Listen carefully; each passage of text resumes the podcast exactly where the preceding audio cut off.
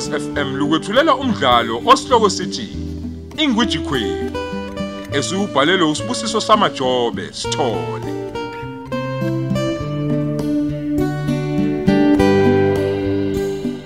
Lesi isiqebu sethu samashumi amabili.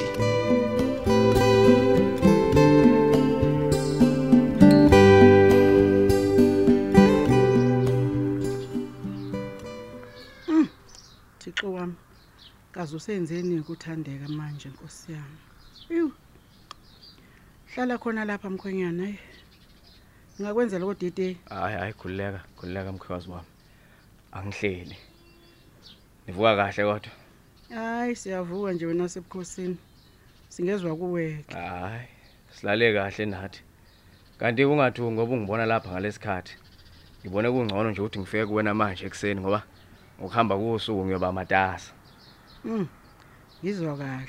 Hayi Ungihlasele ngani ke ndodana? Hayi ngazizwa ngishaya uvalo nje hayi awuyibeki ke kahle uma umuthi ngikuhlasele ngoba phela mina ngizokhuluma nomzali wami nami. Eh usungangitshela ke phela wena ukuthi yini le kwenza ushaya uvalo uma ngibona Hayi kodwa uthini bantu umkhwenyana? Unesithunzi phela wena. Ini lokho ngoba uyakwazi? Eh, eh, eh, eh, makheso siyazi ukuthi akulona iqiniso lelo. Awungisabi nakancane wena. Hayibo Sengathi awuzileke kahle ndodana. Kwenze njani ngempela? Eh, eh, ngifuna ukushintsha ukukhuluma manje mkhwekazi. Uma ngempela uyimisela ngokuthi uthandeka aphelele emagcena akumbazini Yeheni. Ngizwa kunokusonga ke manje kulowo magama kwemkhwenyana. Kanti ngempela sengathi ngiyabhecekani ngoba ndelwe nyama mina ngingakaze ngithi mbibi. uthandeka uhlezi efika la ekhaya. Nikhuluma ziphi uma un- ungamkhuzi kulobugebengu na- namaqhinga lawa nawo? Ha. A- Amaqhinga nobugebengu. ungizwe kahle Hayibo. ngifuna wazi ukuthi nguwe ongakhuluma naye akuzwe njengoba ekuzwa namanje kulamaqhinga eniphekwawo Hmm. ngale kwalokho ma Hayi bani. ngale kwalokho ngizosibona mina isidingo sokuthi ngiphinde ngiganwe uma ngizozizwa ngi- njengomuntu ongaganiwe Yeheni yeheni. Khuzani wemazulu. Akasemfazi manje uthandeka la muva nje Hhayi kwena. ke, uma ngabe ukhetha ukuyihumusha kanjalo ke le nkulumo engiqeda kuyikhuluma angeke ngikusole kusho ukuthi ke into oyibonayo nawe ngoba mina angikaze ngikusho lokho Hewu. kuphela nje into engisho kuwena ngithi ungenza okungcono empilweni yengane yakho kunalokho kwenza njengamanje Hayibo. Usuhembe nje umkhwenyana. bye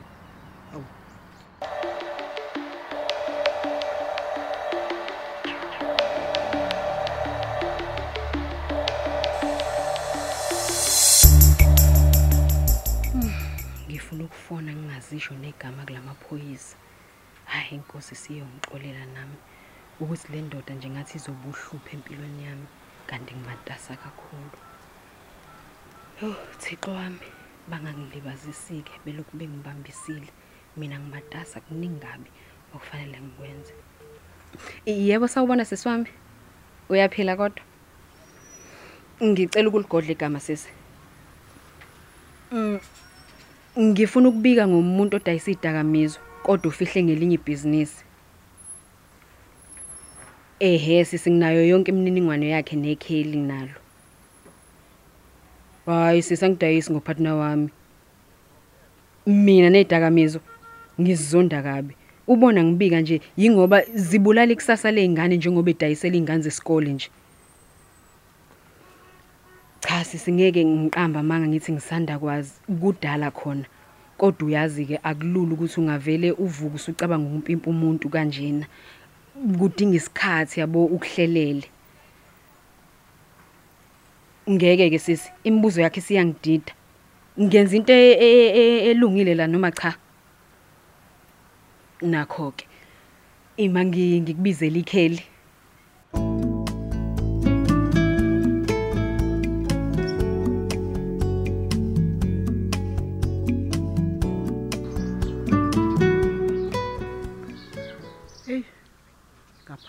Nje ngiyokhuluma nothandeka. Angifonele uManhleko. Ngimazise ukuthi le ndodana yakhe ingihlasela emzini wami. Izongikhumela into njengayizwe. Siphi zona ibuko sami? Wothi kodwa ngiqale ngiphuzela. Naso. Into ukuhlakahlakaza leli gazi ngomahlomeka wami. Hey Jehova. Ingadakwa phela. angiyibeke ngiyiqedela ngibuye ngashayela kanjani phela sengiphuzile? Owu! Kodwa uthi ngifone kuqala. Ngabe nginayo into yokufona? Awu, nakho-ke ikhala mlingani wami sawubona. Awu sawubona wemlingani ah angazi nokuthi nginamalini lana. Ngakho ungathuki uma inqamuke singaqedanga ukukhuluma ntombi. Okay. Niyaphila kodwa. Hayi siyaphila. Kodwa ninjani nina lapha eThekwini nabantu abami? Awu siyaphila wemlingani wami. Awukuhle ngikufonela nje ngoba kade nginomkhwenyana khona manje nje. Ubantu uyaphila kodwa? Enyameni khona mlingani ubukeke ephila. Mm. Yize nje ekhuluma into engazi noma iyaphila yini. Hayibo uchaza ukuthini manje?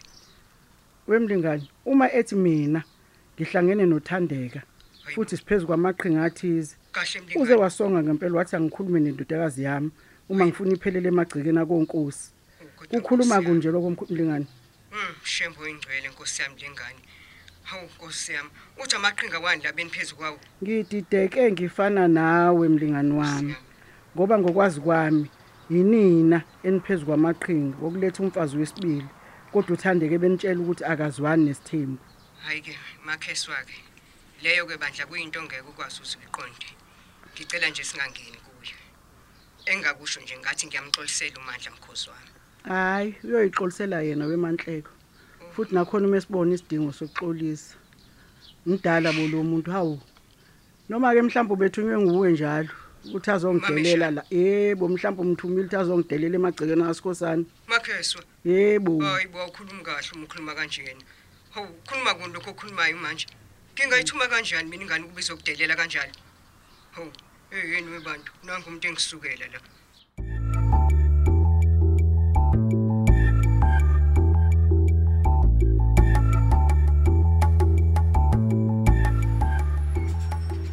Thandiwe Majosi sawubona. Ngiyaphila futhi njani? E-police station. Eh uphumele umyeni wami. Hawe ma. Nini? Kulungile kulungile. Ngiyeza manje nje.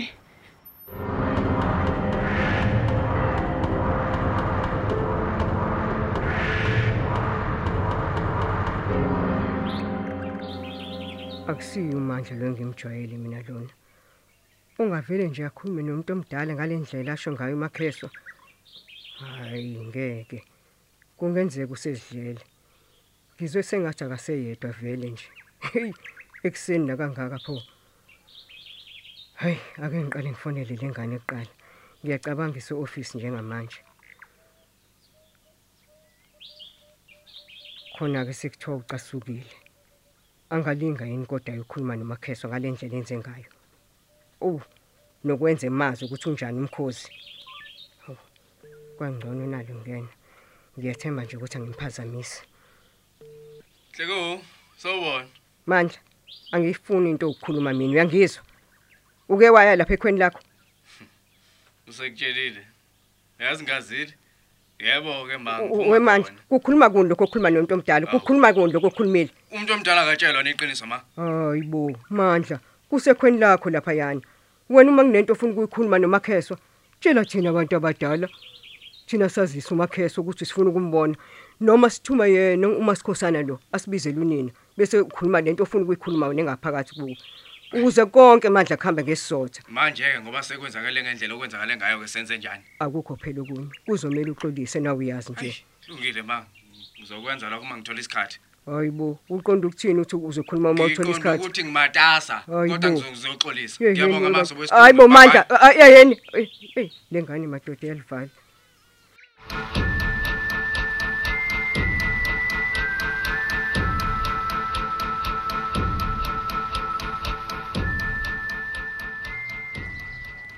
Hello Xolani. boss lady. Mhm. Uzotholakala ocingweni uyaphila kodwa? Ah, ngiyaphila wena njani? ah no ngiyaphila. Kade ngizama ukukuthinta yo. Yo, yazi ngibonile bandla Nkosi yami ukuthi nje bukade ufonile ngiyaxolisa yezwa. Kukhona ukuphuthumayo? ah kukhona ngifuna sikhulume ngakho. Mhm. Eh, eish angazi ke kodwa noma unaso isikhathi. Wethandeka. Ibhle ngani yena mfana. Liphi office lathandeka la sizobuya sikhulume exolani yezo kukhona okufanele ngikulungise babayo wethandeka. Yini enza ukuthi ungasabeli mangikubiza ngiyaxolisa nozulu bengisocingweni. Ngilivala manje nje ngoba ngithi ngiphuthuma wena. Ngiyabonga bhuti wami ukungilethela yena yezo ekuseni kangaka wafuka usuyimpi nje kwenze njani ma? Ngikutholela amanzi. Ufuna kudamuke lento ekimi la? Hey ngifuna iwayini mina uyangizwa? Hayi amanzi. Alikho-ke bandle wayini sorry. Okay okay okay. Ngiyakunyanyisa ngithi Hawu, ma. ngiyakunyanyisa. Ngikubona ngisho ebusweni nje ukuthi unyanyile. Ngitshele Mhm. ushayele kanjani manje ngoba unjena nje? Hey ansi imhlola yami. Okubalekile ukuthi ngishayelile. Angithi uyangibona ukuthi ngila futhi ngaba ngikho la kuba kuyena lo mkhwenyane wakho odelelayo usenzeni manje ma umandla nini kuphi yeyi futhi? yeyi wena. Ungifikele ekuseni ke sokusa. Lapha kini kwasikhosana Eyi bo, uyabona thandeka. Labo sikhotheneni babiza ngabakhwenyana ngicela ungakhulumi bandla kanjalo. Ma uzokuza ungaleni e-ofisi lakho umandla. U- ufike wathini? I kodwa nomandla nokususa iy'nkulumo. Lalela-ke lalela la. Akuyena umandla osusa iy'nkulumo. Zisuswe nguwe. Ma? Umkhwenyana ukhuluma iqiniso kodwa nje ukuthi useyibaquma ngabe sefaka nami lapho ungazilutho ngicela wehlisa umoya phela ma ngiyacela. Bese ungitshela ukuthi utheni kuwumandla utheni? imina ozokhuluma naye. Ngizoyikhulumela mina. Ukuthi nje usuke wangizuma ekuseni lo mkhwenyane wakho angizanga kuwe namanje bengidlula nje. Ngifuna ukutshela ukuthi hlukana nokungijwayezana nosikhotheni uyangizwa? Ngumakhwesa kayi-one mina. Cha cha ma ngiyacela Awu- awukwazi ukwenza njalo. Ungibukisa nabantu phela manje ma Ung- ngiyacela ungivimbelani wethandeka ngiyacela ma- ma- U- ungivimbelani Ye- u- uvuna umyeni wakho? Ngifuna ukumtshela-ke ukuthi akukho maqhinga mina engikufundise wona uyangizwa? Uwena ofika lapha kini ngiyihlalele. Indaba yemvitho leyo mina ngiyizwe ngawe. Mina ngazi nokuthi yenziwa kanjani leyo nto. Makheswa yehlisa umoya ngiyacela. Usukhuluma into ebucayi phela manje. Ngiyacela salwazi ngicela ukuthi uhambe ngizofika sizokhuluma ntambama. Yo ufuna ukungigila phela manjeni yeyi wethandeka. Wayidlisa le ndoda yakho uyezwa? Ma? Ayikwazi ukuthi ikusabe wena bese izosanganela mina la. Ayitsheli ngani wena? Kodwa ma usu- usungangisola kanjani-ke njengento enjalo? Cha phela ngiyakubuza ngempela. Hayi kungenzeka nje kuningi mina engakwazi mina nje kodwa umyeni wakho uthi ufundiswa yimina.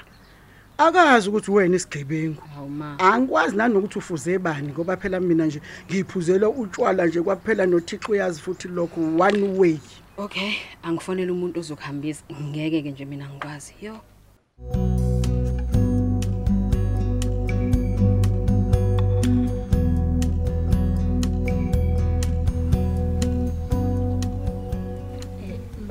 Ngicela ufonele u- uma bandla yazi mina ngisaphelelwe i-airtime.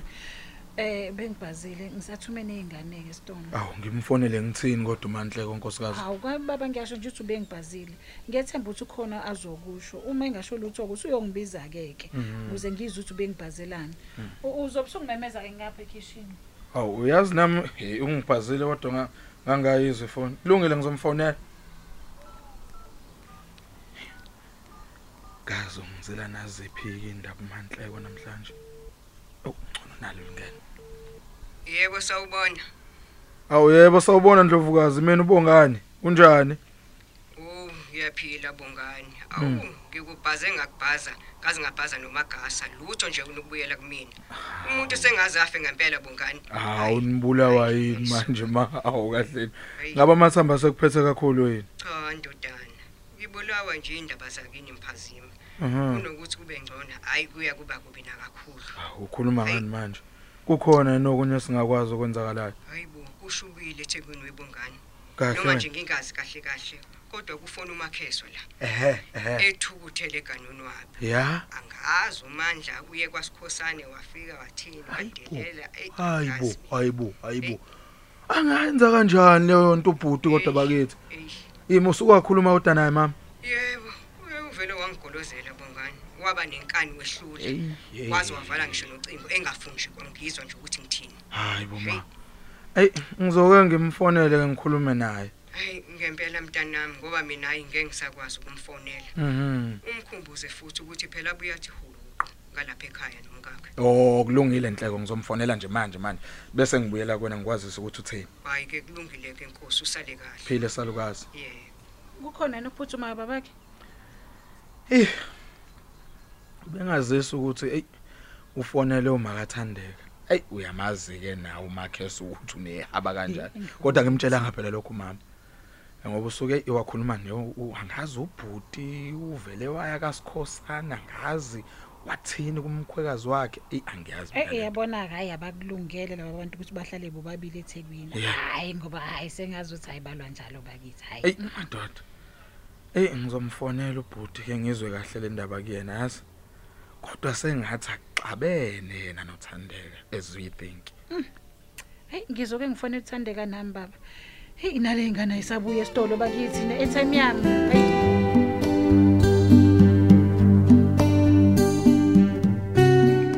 Sisibeka lapho isiqephu sethu esithi Ingwiji Queen osethulelwa ukhozi FM